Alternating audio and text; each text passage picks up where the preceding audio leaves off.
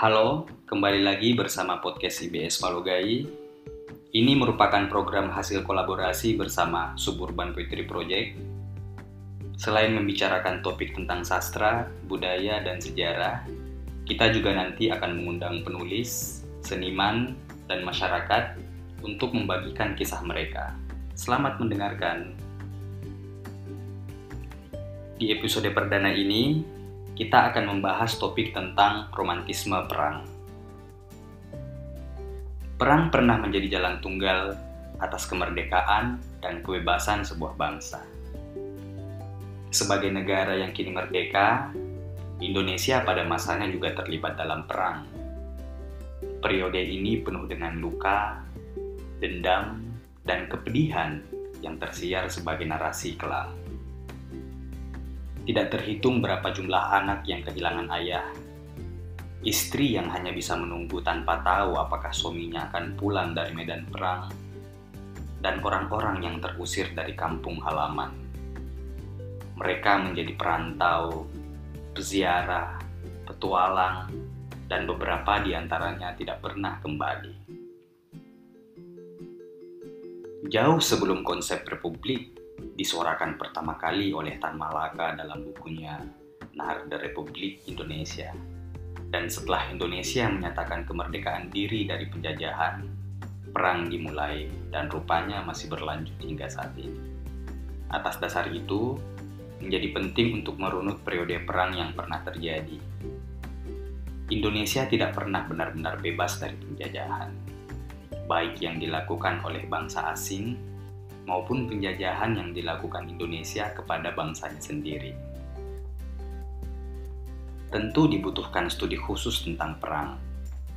Sebab apa yang coba saya utarakan adalah upaya meraba batas-batas yang jelas tiap periode perang agar menemukan benang merah kolonialisme di Indonesia dan dampaknya terhadap manusia.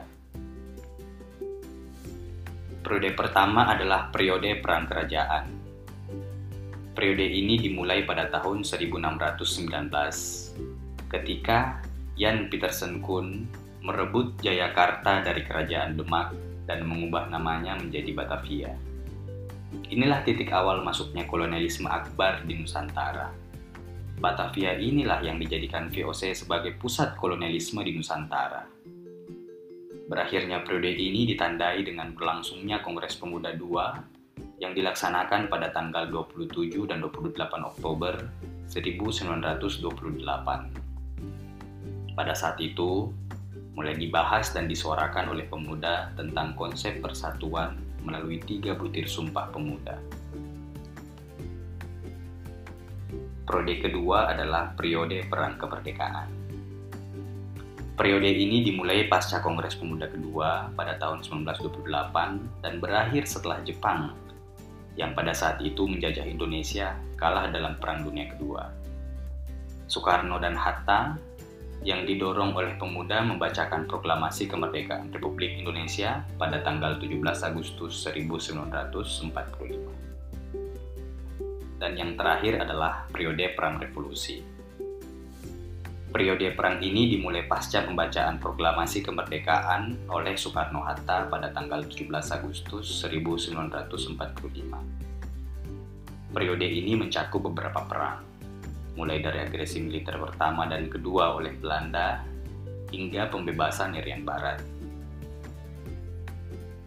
Narasi perang yang sekarang dipelajari dalam sejarah nasional seolah menyatukan ketiga periode ini, sehingga pandangan kita terhadap perang di masa lalu menjadi seragam, dan di sisi lain dipaksa fokus pada periode perang kemerdekaan. Seolah sejarah kita hanya dimulai pada masa itu. Setiap suku, kerajaan tidak mendapat kesempatan berdamai dengan masa lalunya. Yang dalam catatan sejarah, nyaris semua kerajaan di Nusantara pernah kalah atau tunduk pada VOC Belanda. Mereka kemudian diharuskan menanggung masa lalu baru yang kabur bagi mereka. Klaim ini bisa dibaca pada narasi yang dibangun negara bahwa Indonesia dijajah 350 tahun.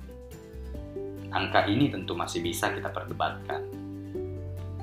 Sebagai misal, VOC Belanda baru benar-benar menguasai seluruh dataran selatan Pulau Sulawesi pasca peristiwa Rumpak Nabone atau kejatuhan Kerajaan Bone pada tahun 1905. Dalam artian, selatan Pulau Sulawesi sepenuhnya hanya dijajah sekitar 40 tahun hingga kemerdekaan Indonesia pada tahun 1945.